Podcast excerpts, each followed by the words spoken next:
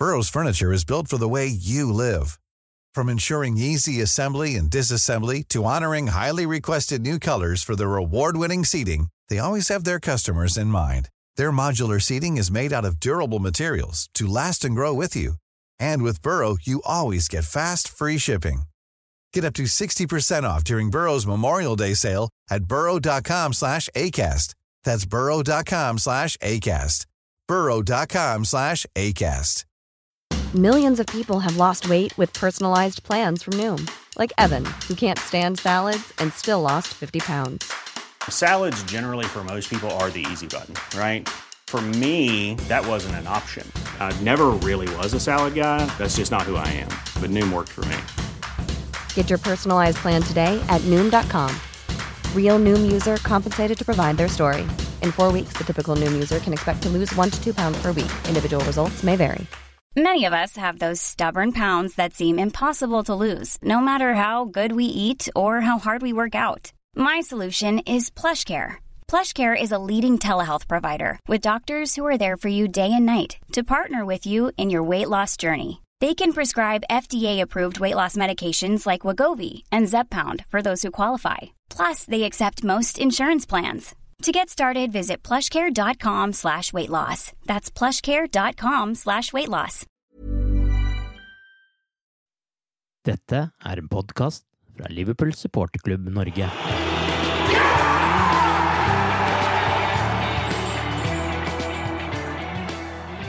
Liverpool sliter i serien, men holder heldigvis stø kurs mot sluttspillet i Champions League med skåringsfest i andre omgang mot Rangers og 7-1. Og nå venter den store testen når Liverpool på tiendeplass skal ta imot Manchester City på Anfield. Skal vi få en ny opptur der?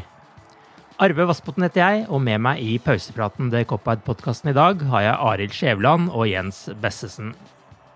Det har jo ikke vært så mye gøy å snakke om den siste tiden for Liverpool, men kampene mot Rangers har i hvert fall vært en fin opptur. Så la oss begynne med de lyspunktene vi har. Liverpool er nå bare ett poeng unna å sikre avansement fra gruppa med to kamper igjen. Og onsdag skåret Darwin Nunes og Harvey Elliot ett mål hver. Bobby Firmino skåret to mål. Og Mohammed Salah skåret et rekordraskt hat trick på seks minutter og tolv sekunder. Arild, er det dette laget trengte for å få tilbake litt sårt tiltrengt selvtillit? Det kan i hvert fall ikke skade at en, en, får en sånn omgang der alt liksom renner inn på slutten. Da, mm. Jeg må si jeg, jeg satt og grua meg ganske til den City-kampen underveis i kampen der i går, men etter siste halvtimen så ikke at, jeg, ikke at jeg på noen måte gleder meg nå, men det viste i hvert fall at en fortsatt har litt av, av det gode og gamle, at det kan på en på en god dag så kan det, kan det gli skikkelig. Jeg kunne vel heller ikke fått en eh, mye tøffere motstander på søndag med tanke på, på akkurat den biten der, men jeg vil i hvert fall si at det, at det hjelper. Det, det vil jeg ikke være mye tvil om at det på akkurat sjøltillitsbiten. Selv om at det kanskje må Det må vel kanskje tas med at Rangers var, ble fryktelig svake etter hvert. som Det er vel kanskje ikke mange spillere der som ville gått inn på, på Premier League-lag, men uh, uansett, når en skårer sju mål og gjør jobben sjøl, så sjøltillit vil, vil det nok gi. Ja, det var jo litt det vi savna i forrige Rangers-kamp, når det bare gikk rett på keeper, alt som eh, kom. Men uh, Jens, det var jo ikke Firmino som skulle skåre målene denne sesongen. Nå har han og Sala åtte hver. Hva slags følelse vekker det i deg å se det blenda hvitt smile igjen, og ikke minst få Sala i hat trick-form? Ja, det er jo sesongens uh, definitivt positive overraskelse så langt. Det er Firmino som mm. den eneste som holder følge med Haaland på målsnittet. Det jo vel ingen som hadde trodd. Det var egentlig mange som hadde begynt å avskrive han litt og tenke at han var forbi sitt beste nivå, men så uh, dukker han opp. og Det er jo ikke bare skåringene. Jeg syns han har fått tilbake mye av det gode spillet. Touchet sitter og han, han, klarer å holde på ballen og involvere de andre spillerne, så det er veldig gøy å se. Og så leste en tweet i går som sa at uh, han spiller som om han ikke vet at resten av laget er i dårlig form. og Det syns jeg var godt sagt. Uh, så var det jo hyggelig med Sala òg, at han uh, fikk seg et ganske enkelt hat trick på Det var nærballen ni ganger og skåret tre mål på seks minutter. Så det kommer i hvert fall til å gjøre godt for han før helga. Selv om det var en litt svak keeper, og sammen med forsvarsspillet, så uh, vet vi vel at han, så lenge han skårer mål, så er han fornøyd. Jeg tror ikke han bryr seg om hvordan målene kommer som du var innom, Marild, eh, førsteomgangen i går var jo kanskje ikke så mye å skryte av, og Liverpool havner under før man igjen må da starte snuoperasjonen. Eh, hva, hva tenker du var det som skjedde i andre omgang der som gjorde at det så litt bedre ut? I hvert fall litt mindre avstand mellom Nunes og de andre. Det så ut som at det var Det var noe jeg med tre snakka om i pausen, at han blir veldig isolert alene der oppe. Mm. Uh, det så ut som at de liksom hadde fått en det så ut som en god prat, i hvert fall for det var et helt annet lag som kom med på, på banen etter pause der. Mm. Um, dette med formasjoner og sånn, jeg syns det er litt Det må være et forferdelig vanskelig tidspunkt å skulle legge om og terpe inn en ny formasjon. og det er Ingen tid til å trene, og det er kun restitusjon mellom, mellom kampene. Så skal vi sikkert snakke mer om system og sånn senere, men uh, det så ut som de gjorde en liten endring i, hvert fall i, i pausen der i går, som, som fungerte. Er det din uh, opplevelse også, eller uh, Jens? Ja, uh, hvis man skal spille i den med fire på topp eller 4-2-3-1, så syns jeg i hvert fall Firmino må ha en av spissrollene, sånn at han kan gå litt dypere i banen. For jeg er ikke overbevist om at kommer til å fungere mot Manchester City og spille med det systemet. Så mot Arsenal at fikk kjørt oss godt på midtbanen. Mm. Uh, og det blir Det tror jeg kan skje igjen mot City, for uh, miste en viktig mann der i midten. Så veldig spent på hva Klopp kommer til å gjøre. Ja, så gjaldt det jo litt kanskje også å få inn Tiago i andre omgang uh, her. Han uh, gjorde vel sine saker uh, litt bedre, han også. Han er òg god å ha i det når vi, når vi, først skal spille i den formasjonen. Men Samtidig du mister nesten en hel mann i, eller en hel spiller ved å ha Nunes på topp istedenfor en midtbanespiller. For han, er, han går mye i bakrom, men han er ikke så mye involvert i resten av spillet. Så det er litt skummelt. Ja, altså, jeg så, så gjennom eh, en del av eh, involveringene hans i, i stad her. og i første omgangen så, så det ut som det var sånn fire-fem ganger hvor han får lange baller opp mot seg og er helt alene, gjerne med sånn tre-fire Rangers-spillere rundt seg og ingen til å backe opp. Men som jeg har vært innom, etter pause så så det ut som det blei litt mer eh, fart på saken, og han fikk mer støtte av andre. Firmino var mer oppe i situasjonene, Carvalho var høyere oppe i banen og sånn. Det kan vel kanskje minne litt om at uh, man har hatt den uh, praten på bakrommet om at uh, alle skal uh, noen meter lenger opp denne gangen her. Fordi det så iallfall ut som det gjorde den store forskjellen. Ja, men han er en, samtidig en ny type spiller i laget som vi ikke har hatt på veldig lenge. Og det er litt sånn hvis, hvis måten å tilpasse han på er å måtte spille i den formasjonen, så er jeg litt redd i, i hvert fall i storkampen. Jeg tror det kan gå fint i Eh, på hjemmebane mot uh, lag som legger seg lavt. Men mot City så syns jeg det er litt risikabelt. Absolutt. Uh, men hva tenker du da? Hva skal man gjøre mot City? Skal man liksom tilbake til basic igjen i den kampen, eller hva er følelsen deres? Mot City så forventer jeg på en måte at det, det ligger så mye der fra fra rivaleriet og alle, alt, alt, som har skjedd de siste årene, at Leopold kommer med den, til den kampen der med veldig veldig innstilling om å, å vise at um, Liverpool, dette laget, laget liksom ikke er helt er ikke helt ferdig, tenker jeg. Men uh, om det holder, er jo en helt annen sak. Um, jeg, uh, når jeg ser når Diaz er ute og altså Jeg må si Harvey Elliot sånn, han gjør veldig mye bra, men jeg tror ikke jeg hadde Hvis jeg kunne valgt, så ville jeg nok kanskje ikke hatt uh, den formasjonen som vi har brukt mot Rangers og, og Arsenal mot City. Eh, mm.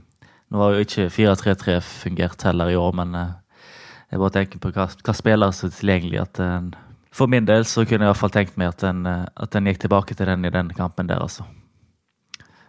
Og da ville jeg vet, hatt Yota i en kanskje en, en litt sånn skaperrolle, kanskje i lag med, med Firmino og, og Salah som kanskje litt mer klare spisser, da. Heller enn kanskje sånn med de to. Veldig, veldig bredt, men mm. Jeg tror ikke for viljen min, da, men det, sånn når jeg ser når de spillerne ser ut og sånn, så, så, tror jeg en bare må gjøre det beste ut av det, det en har.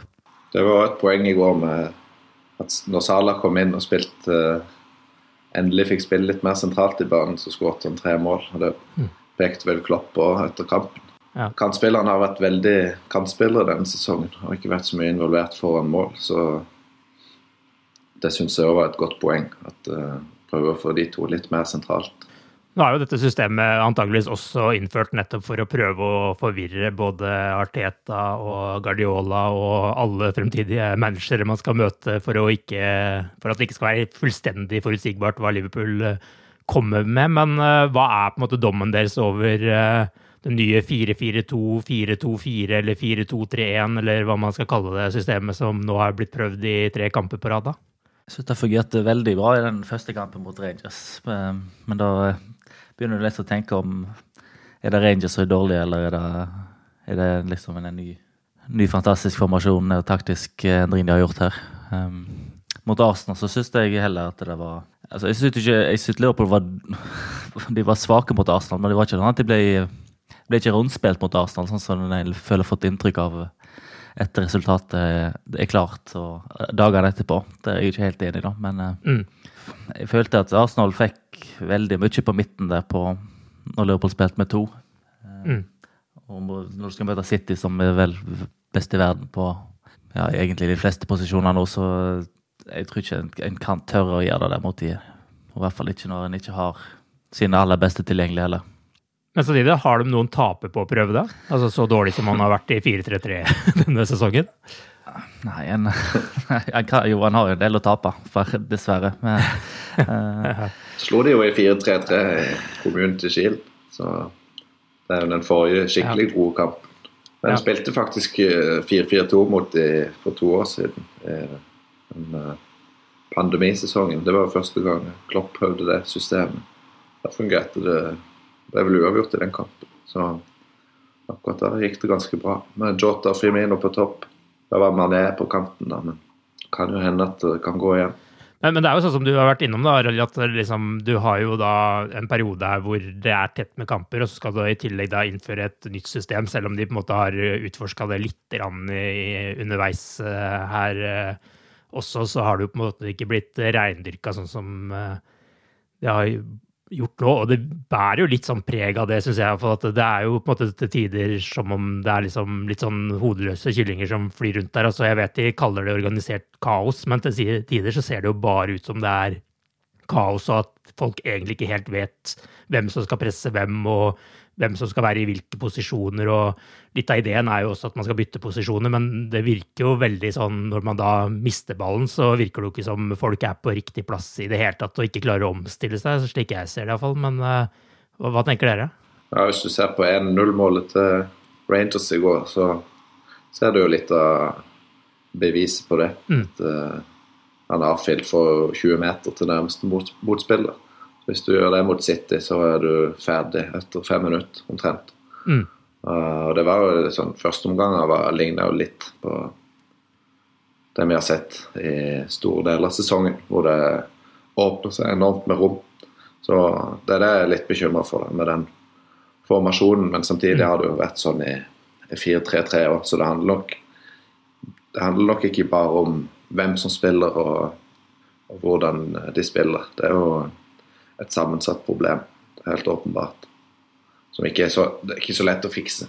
Det er et godt poeng, det. Men fordi at eh, I den situasjonen så jo Rangers omtrent ut som City, og det er jo Liverpool sin skyld. altså Carvollo mister ballen, og så er jo van Dijk ikke helt oppi, og så er ikke Fabinho oppi nestemann, og så kommer ballen mellom Konaté og Gomez, og Arfield kunne skåre fra 16-meteren. altså ja, forsvarsspillet er definitivt ikke på plass ennå.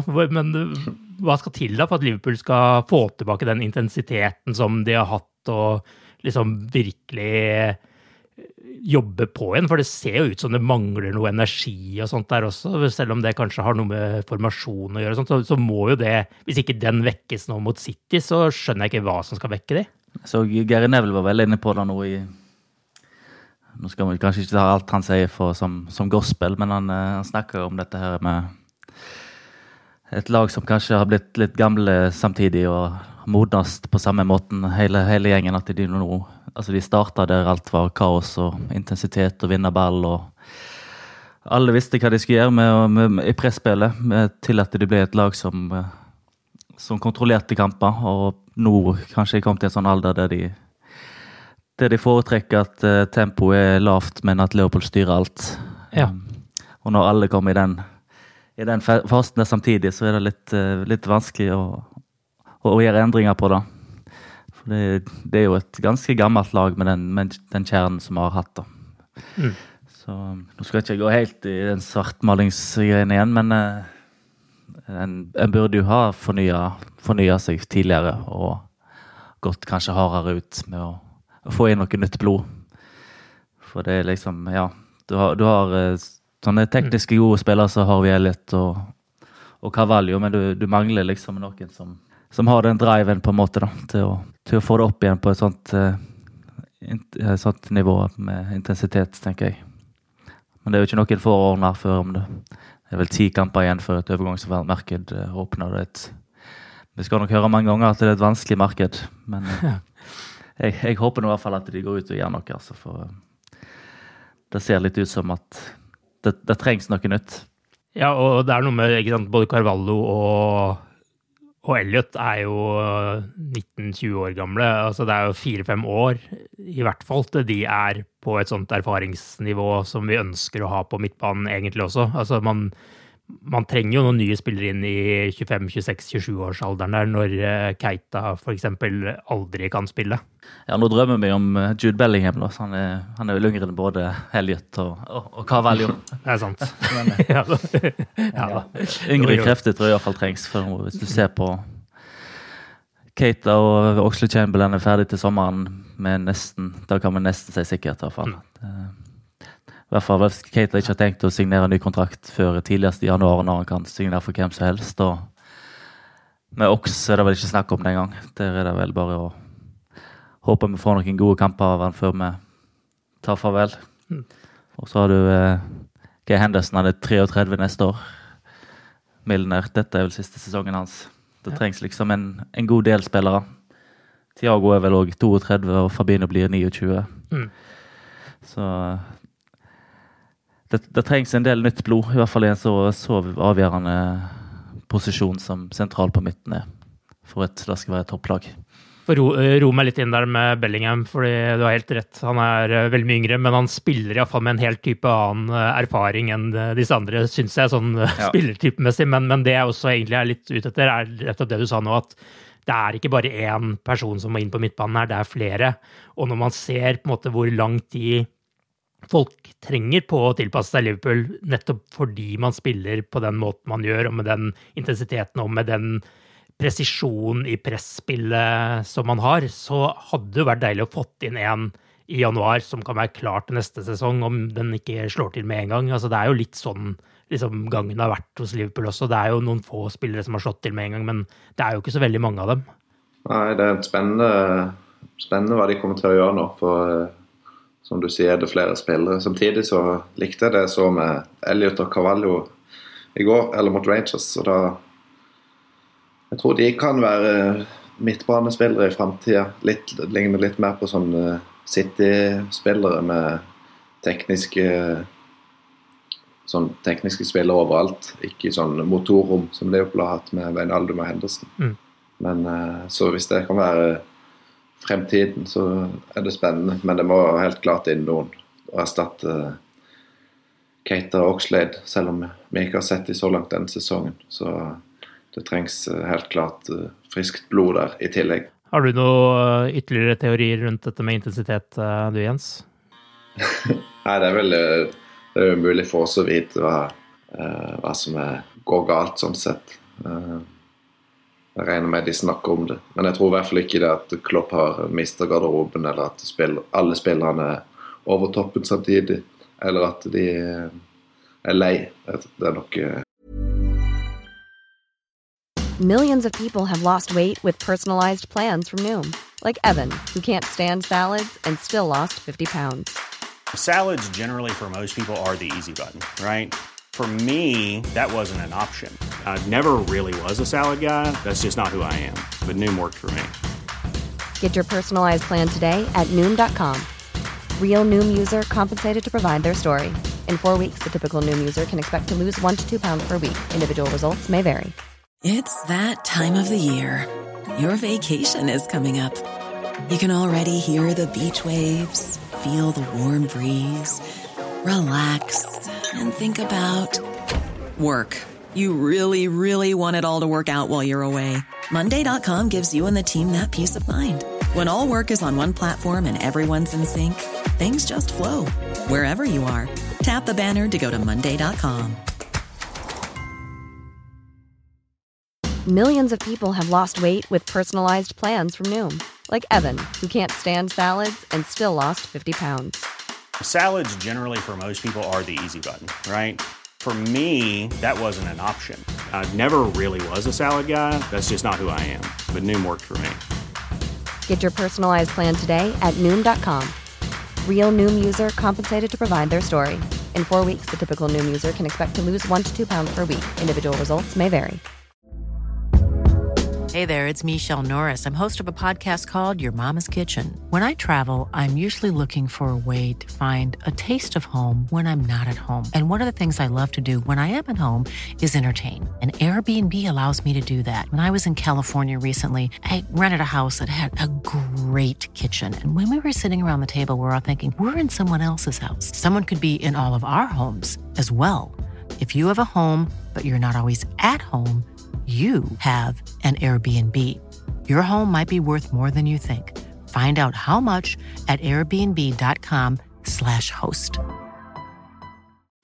Since 2013, Bombas has donated over 100 million socks, underwear, and t-shirts to those facing homelessness. If we counted those on air, this ad would last over 1,157 days. But if we counted the time it takes to make a donation possible, it would take just a few clicks. Because every time you make a purchase, Bombas donates an item to someone who needs it. Go to bombas.com slash ACAST and use code ACAST for 20% off your first purchase. That's bombas.com slash ACAST, code ACAST.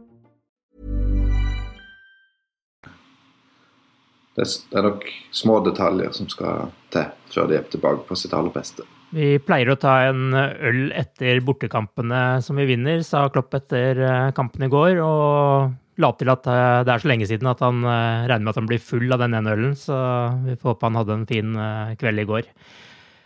Men Liverpool må jo nå også klare seg uten Luis Diaz til over VM, og Trent Alexander Arnold og Matip er ute i et par uker. Hvordan ser dere på det at man mangler så sentrale spillere innen den perioden man skal nå, da? Akkurat nå så tenker jeg at Diaz er det største tapet, på en måte. At han skal miste den så lenge. Det er snakk om ti kamper, da. Mm. Han har liksom en del sånne ekstreme kvaliteter så der han kan ta ta tak og gjøre noe helt på egen hånd. Selv om at han, han, har, han har ikke vært helt fantastisk denne sesongen, han heller, men han har, han har noen sånne kvaliteter som kanskje ikke de andre har utenom Sala. da. Ehm, jeg vet ikke helt om han eh, har sett ut som han har passa så godt inn i, det kollektive sånn, eh, akkurat denne sesongen her med hvordan ting har gått, men det er kanskje ingen som har passet inn i, i kollektivet. Men uh, å være uten han, syns jeg i hvert fall det, det er det er skikkelig, skikkelig slag, altså. Det, det vil jeg si. Eh, med Matip så er det heldigvis en posisjon der han har så god dekning med å kunne te tilbake igjen. Så han har vel lært seg at han ikke kan forvente at Matip spiller 50-60 kamper i sesongen. Så det er liksom Det er bare sånn det er. Mm. Så regner jeg med vi skal snakke litt mer om Alexander Arnold. Jeg vet ikke om Jens har noe å tilføye. Ja, eh, sånn som Gomez eh, sin assist var i går, så var det vel ingen som savna Trent. Så, selv om han òg har en tendens til å sovne litt på bakerste stolpe, så um, jeg tror ikke man skal juble over at Trent er skada, selv om han er Eller juble, men uh, det er nok et tap, selv om han har vært i dårlig form denne sesongen. Uh, men akkurat Konaté syns jeg, synes jeg kanskje er vår beste midtstopper akkurat nå, så det er bare fint at han får spille litt. Ja, Det er litt vanskelig å sitte og, og lyge og si at eh, Alexander Arnold har vært fantastisk og sånn, men uh, har, jeg føler liksom at han òg er blitt litt syndebukk på en måte på når et system ikke har fungert. og så har det skjedd dette med England og sånn i tillegg, så da, da ble liksom situasjonen enda verre når han fikk den oppmerksomheten der han ble helt utelatt og, og ble tema liksom at han ikke skulle til VM. Um, det kan jo gått utover selvtilliten hans dag, for prestasjonene etterpå har jo ikke vært all verden. Men uh, det blir sånn at vi går med at uh, han er jo en helt grei backup på ha der han, men hvis det skulle kommet en, enda en skade, og du plutselig ender opp med James Milder på en høyreback, så vet ikke om jeg tør å se akkurat mot City og Westham. Da, da sitter jeg nok litt med med ansiktet i hendene, for da, da, er noe jeg er veldig redd for etter, etter sist gang. i hvert fall. Um, Han skulle vel hatt et par eh, røde kort i fjor. Ja, det er noe av det verste jeg har sett mot Foden der i fjor. Det, det var tungt. Ja, Calvin Ramsey burde jo helst vært i, klar til å gå inn på laget nå for å ta sjansen, men eh, han, han har jo ikke sett noe til ennå. Så det hadde vært spennende å se hva han kunne utrette i den posisjonen, for det er jo virkelig en posisjon man liksom ikke har noe backup nå som er fullgod, syns jeg. da i hvert fall. Ja. Nei, han var jo eh, Han kom jo skada i sommer og var vel tilbake på benken mot, mot Rangers for ei uke siden, eller forrige tirsdag. da. Og så var ikke på benken verken mot Arsenal eller Rangers uten at det er meldt noen ny skade på han. Mm. Men det hadde jo vært ingenting som hadde vært bedre om hvis det kom en ung og lovende spiller full i energi som ville komme og vise seg fram. Det hadde jo vært det helt optimale. Mm. Men, uh, det er vel den ligacupkampen som er mest realistisk for han. Sannsynligvis. Ja, Tror ikke han kastes inn mot City, i hvert fall. Nei. Men Hvem tenker dere blir kasta inn mot City der? Er du på samme lag som Arild her, uh, Jens, at du ikke vil se James Miller her, eller? Ja, med tanke på at han har gått et år i, i sin retning, og Foden har gått i en annen retning, så, så, tror jeg det kunne blitt stygt der. Så jeg håper jo Gomez ikke pådrar seg en strekk eller noe sånt på trening. Jeg tror han skal eh, klare å gjøre en OK jobb der. Ja, men akkurat det er ganske viktig, tenker jeg, at Robertsen er tilbake og kommer inn og fikk noen minutter. Uh, Simikaz har vel fire eller fem målgivende denne sesongen, men jeg syns Forrige sesong så snakket vi vel kanskje om at han var han og Robertsen var på nesten samme nivå, men uh, jeg syns Simikaz han er vel litt, litt der at han foretrekker et litt lavere tempo og litt mindre intensitet. Jeg, eh, mm. jeg i hvert fall gleder meg veldig til å få Robertsen tilbake, da, det, må jeg, det må jeg si. Eh, selv om at han, har, han slår gode dødballer og en, en likende fyr, uh, Simikas, så så syns jeg det er klasseforskjell mellom de to. Og... Jeg syns de viste det i går òg, at det er liksom et litt annet trøkk når uh, Robertsen kommer inn. Og ikke minst, han er mye mer besluttsom. Han, han, er ikke sånn som står og venter på om han skal gå i press eller ikke. Liksom. Han avventer ikke noe. Han, han, bare går på, og så står han i det. Liksom det den mangler jo Semikas helt, syns jeg, da. Nei, jeg tror det er veldig bra for han tilbake. Og uh, ser ut som han er en skikkelig ledertype òg, på en måte. Han tar han tar tak og kjefter opp hvem, hvem det skulle vært. Så da, da, da er i hvert fall en styrke, en styrke inn mot City, hvis jeg skal trekke fram noe positivt. tenker jeg at han sannsynligvis vil starte den. Jens, hvor står du der? Er du team Semikas eller Robertsen? Nei, jeg føler meg ganske sikker på at Robertsen starter den kampen. Så ja. jeg er veldig glad for det. Men uh, akkurat på venstre back så har vi jo det vi ikke har på høyre, og det er jo en god backup. For uh, jeg tror ikke man kan be om så mye en så mye bedre backup-spiller enn det Timikas er heller. Så Definitivt. står fint til der. Men la oss fortsette med laget mot eh, City. da. Hvem tenker dere Klopp skal bruke der? Altså, Vi må først finne ut hvilken formasjon det er, men dere er vel kanskje på 4-3-3 til den kampen? Ja, la oss være fancy og si 4-3-1-2, eh, hvis, hvis, det er noe. Eh, jeg syns i hvert fall Jota har Jeg synes han har vært veldig bra når han har fått ball der i mellomrommet og klarer å finne Link-up-spilleren så ser veldig bra ut. Eh, det var tre målgivere han fikk i går. Eh, og mot, mot Rangers sist også, så syns jeg han eh, så bra ut. Så jeg håper han starter, da. Jeg, jeg har veldig lyst til at Darwin skal, skal lykkes, men akkurat mot City så tror jeg jeg må bare gå for formspilleren Firmino og, og Sala som der vi vet liksom hva han kan, og, og han viste vel òg i går hva han kan. Så, så jeg håper på de tre da, i akkurat den, i den kampen der. Og da mm. sier nesten resten seg sjøl, eh, kanskje. Du kan jo ta det for det, da. Ja, det må bli Allison, Gomez, kona til van Dijk, og så hørtes det ut som hun var veldig enig med Robertsen. Um, også på midten, så For min del så tror jeg bare må gå for, for rutine og håpe at uh, en kommer med en sånn innstilling og har fyrt seg såpass opp at det, det går bra med, med Fabinho, Tiago og, og Henderson. Selv om at eh, ja, Henderson har fått veldig mye drit, spesielt på sosiale medier.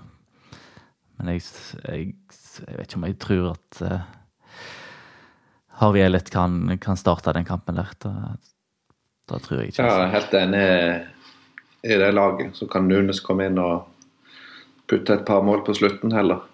Det gikk jo fint i uh, Community Shield akkurat der, så. Ja, Kjør den oppskriften igjen.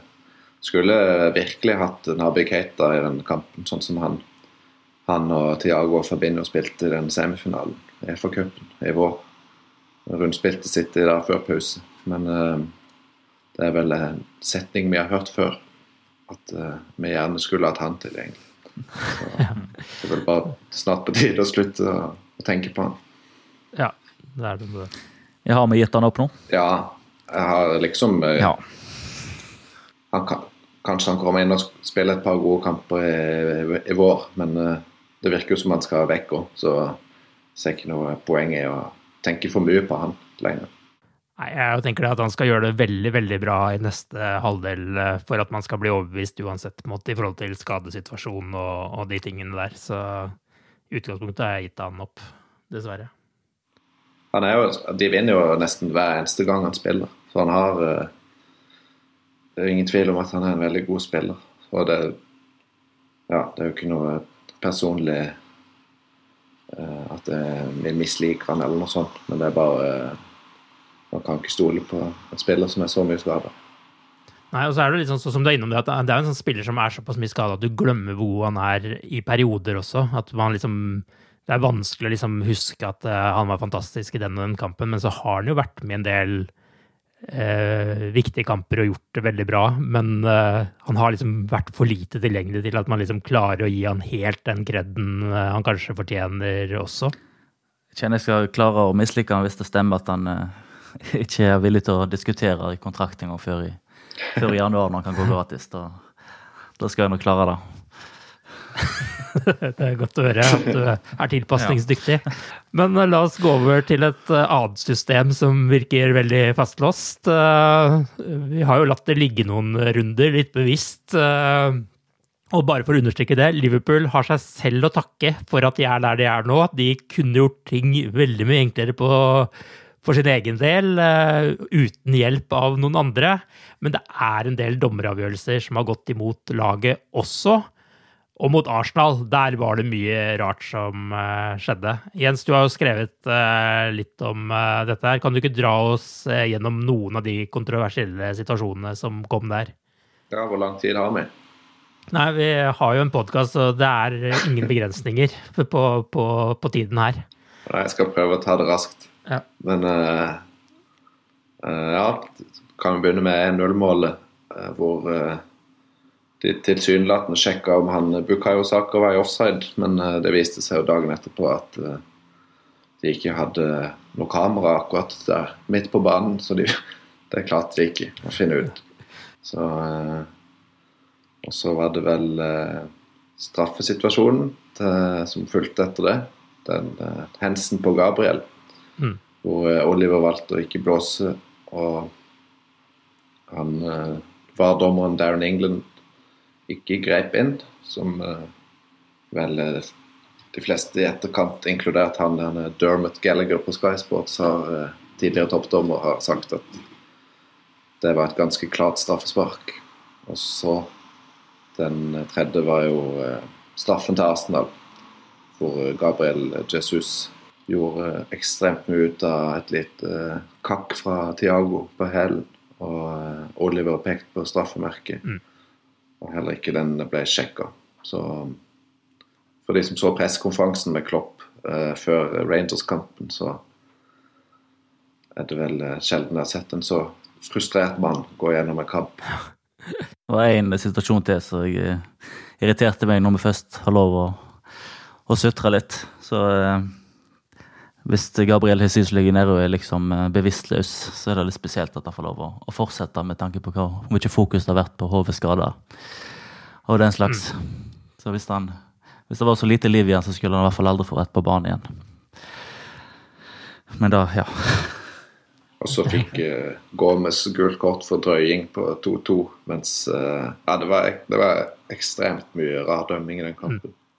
Ja, altså Hvis du først skal gå dit, da, så kan man jo også legge til liksom, eh, mangelen på frispark for Liverpool i en del kamper. Altså Det, jo, det skal jo noe helt ekstraordinært til bare for å få et frispark, f.eks. For, for Sala eller andre. Altså man det er jo Fritz Aanes kunne jo ikke dratt ned Sala på en bedre måte, og, og det blir ikke frispark, liksom. Det er, det er veldig mye rart. Men, men, når du har en sånn situasjon som du skriver, beskriver først her, da, Jens, altså de mangler bilder. Altså, det er jo liksom bare det ultimate beviset på at dette funker jo ikke. Ja, og er, Vi er jo blitt vant til at de skal ta de offsidene i i eh, angrepsfasen. Det, det ville vært en marginal offside. Det er ikke sikkert han var offside heller. Og det er, sånn, mm. det er mange som irriterer seg over at de skal, at de skal egentlig ta sånne situasjoner. Men nå har vi jo blitt vant til at de skal gjøre det. Så mm. når det da ikke skjer, så blir man jo enda mer frustrert. Og bare det at han ikke kan sende Oliver til monitor for å se en ekstra gang, det må liksom være en clear and obvious feil. Og det er han stakkars uh, Darren England har ikke rutine nok til å gå imot Oliver. Det tror jeg òg spiller inn. At det skal sitte en sånn uh, mm. nærmest juniordommer og, og uh, si at den mest profilerte dommeren har gjort en stor feil. Det tror jeg òg sitter langt inne. Og Oliver har vel også tidligere gått til monitoren og, og, stått på sitt, så jeg tror ikke det gjør det noe enklere å, å gripe inn. Så det er mye med det systemet som er som suger gleden ut. Hadde det ikke vært en bedre løsning hvis dommerne får beskjed om at her er det en situasjon du bør se på på nytt, gå bort til skjermen og se på det, og så avgjøre selv, liksom, iallfall i sånne straffesituasjoner som den med hånda, hvor på en måte man eh, liksom eh, skal forklare at det er for kort eh, avstand. Men han rekker å få opp den handa da, fra å ha den bak ryggen til opp i den posisjonen hvor han redder ballen. Den er jo bare hens. Den er jo helt klokka. Ja, det er jo helt, altså, Pep Guardiola fikk jo til og med spørsmål om den etter uh, kampen på, på, tirsdag, og fikk, uh, og, og fikk spørsmål om forstår du hens-regelen, og han sa nei. Og så refererte han bl.a. til den situasjonen der. De har jo lært. Så selv Guardiola syntes det var en straffe. Vi har jo prøvd å lære denne hens-regelen et par år, da, men da er akkurat hånd over hodet og sånn, da er det ganske, ganske klart uansett. Det det er liksom da er det Daniel Trud. Men, men, jeg tenker liksom, hvis han hadde fått beskjed om å gå og se på skjermen på den, så hadde han vel antageligvis endra mening på det, tror dere ikke det?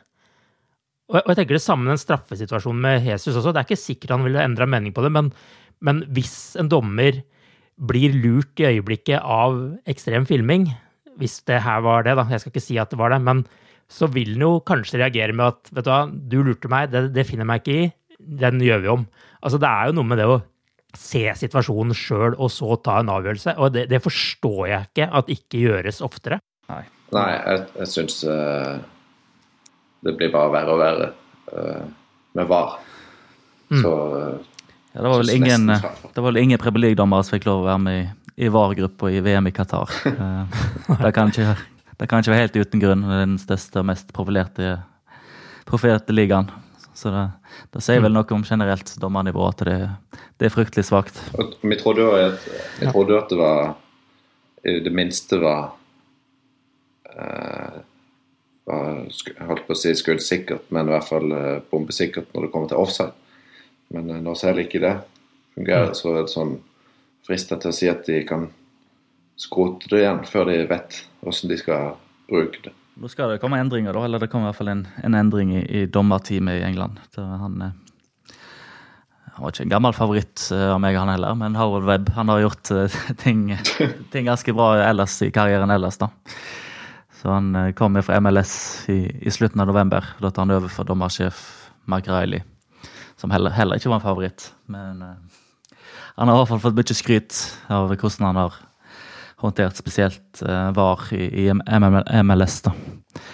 Da, Bare sliter med å se hvordan man skal gjøre alle dommerne bedre. Ja. Det, er, det skal bli spennende å se. Men øh, vet dere noe om hva, hva er det han har gjort i MLS som øh, har vært spesielt? Kommunikasjon forstår jeg at det da er Det er vel det jeg, jeg kan aldri skryte på meg at jeg har sett en hel kamp i MLS, men jeg får jo opp noen klipp i, i feeden min på Twitter. Jeg forstår at de har en helt At de har en, eh, en helt annen måte å kommunisere på, i hvert fall. At, en, at det er kanskje håp om at en tør å gå til en monitor, eller og se to, ting to ganger før en liksom bestemmer seg. Selv om at de skal ha en ja, flyt, flytespill i Premier League. og Det er veldig viktig, så får vi se. Eh, Så håper jeg i hvert fall at Webb kan eh, stramme det litt opp. da, At de ikke er helt i villrede om hva, hva regler de skal følge og ikke. For du ser jo det er en helt annen måte de dømmer kampene på i Champions League og i, i Premier League. Mm. Så en, en oppstramming er vel det vi kan håpe på. For En ting er å fly i spill, men når det er helt sånn matchavgjørende ting, så må man vel kanskje ta seg tid til å sjekke det litt ekstra. Ja, jeg får håpe, da. Det er vel der en England igjen nå på, på søndag. Så vi får sikkert ta denne diskusjonen her en gang til før. ja, for da er det Taylor. Så spør, spørs om han tør. Ja. Ikke sant. Det lover bra foran uh, søndagen, dette her. Yes. Til slutt, da. Hvordan ser dere på Liverpools eh, situasjon nå? Hva tenker dere om eh, resten av sesongen, som jo da starter med det som vi på forhånd trodde skulle bli toppkampen i Premier League denne sesongen her mot Manchester City nå på, på søndag? Jens, du kan jo begynne litt. Ja, jeg syns jo vi lærte den våren 2021 at det kjempe om topp fire kan være ganske gøy, det òg. Så jeg vil ikke si at uh, selv om det ser veldig tøft ut med tittelen, så tror jeg det er litt sånn Det kan nesten være litt befriende å være i en topp fire-kamp uh, såpass tidlig. Bare uh, la i toget tøffe videre for seg sjøl. For at det er litt eh, sånn slitsomt å være i tittelkamp med de òg, syns jeg. Å måtte vinne hver eneste kamp. og Det blir sånn eh, Nesten litt av gleden som forsvinner med det. Så det å kunne ha råd til å gi bort noen poeng og samtidig ha mye å spille for, det syns jeg kan være ganske positivt. Og i tillegg da så kan du plutselig ha litt Satse litt ekstra på Champions League eller en av cupene og gå langt der. Så selv om det er tiendeplass, så er det 30 kamper igjen å spille. Så det er litt tidlig å svartmale situasjonen helt. Ja. Vi lærte jo også forrige sesong hvor gøy det er å vinne hjemlige cuper, og det tror jeg Klopp og Linders og de også lærte seg å sette pris på da. Ja, det var en, det var en veldig positiv vinkling, dette. Så da Ja. Ja. Vanskelig å matche. Seks poeng opp til fjerdeplassen før møtet med City. Og er det ti poeng opp til Tottenham på tredje med en kamp mindre spilt. Det er liksom Så Gary Neville snakket om at eh, han trodde ikke Liverpool fikk topp fire i år. Det syns jeg var veldig tidlig, med, med 30 kamper igjen. Mm. Og så får vi være veldig glad at det har gått såpass bra i Champions League etter den marerittstarten at en slipper å tenke at eh, at ja, det skal i hvert fall veldig masse til for at det blir Europaliga. da. Så det er i hvert fall mulig å få et eventyr på, på våren. Tap mot Napoli er jo ikke, ser ikke så stygt ut lenger, sånn som de har spilt. Så Nei, ikke det. Nei, de har sett eh, skremmende gode ut, eh, de.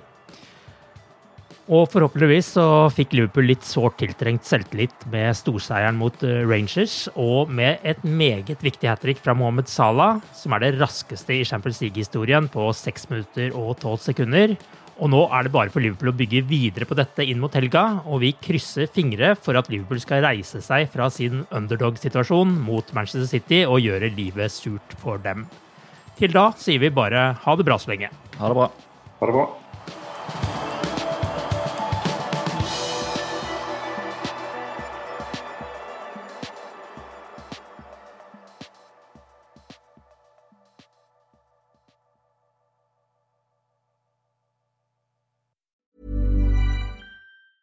Normally, being a little extra might be a bit much, but not when it comes to healthcare. That's why United Healthcare's Health Protector Guard fixed indemnity insurance plans, underwritten by Golden Rule Insurance Company, supplement your primary plan so you manage out of pocket costs. Learn more at uh1.com. Hey, it's Danny Pellegrino from Everything Iconic. Ready to upgrade your style game without blowing your budget? Check out Quince. They've got all the good stuff shirts and polos, activewear, and fine leather goods, all at 50 to 80% less than other high end brands. And the best part? They're all about safe, ethical, and responsible manufacturing. Get that luxury vibe without the luxury price tag. Hit up quince.com slash upgrade for free shipping and 365 day returns on your next order. That's quince.com slash upgrade. Hi, I'm Daniel, founder of Pretty Litter. Cats and cat owners deserve better than any old fashioned litter. That's why I teamed up with scientists and veterinarians to create Pretty Litter. Its innovative crystal formula has superior odor control and weighs up to 80% less than clay litter. Pretty Litter even monitors health by changing colors to help detect early signs of potential illness. It's the world's smartest kitty litter. Go to prettylitter.com and use code ACAST for 20% off your first order and a free cat toy. Terms and conditions apply. See site for details.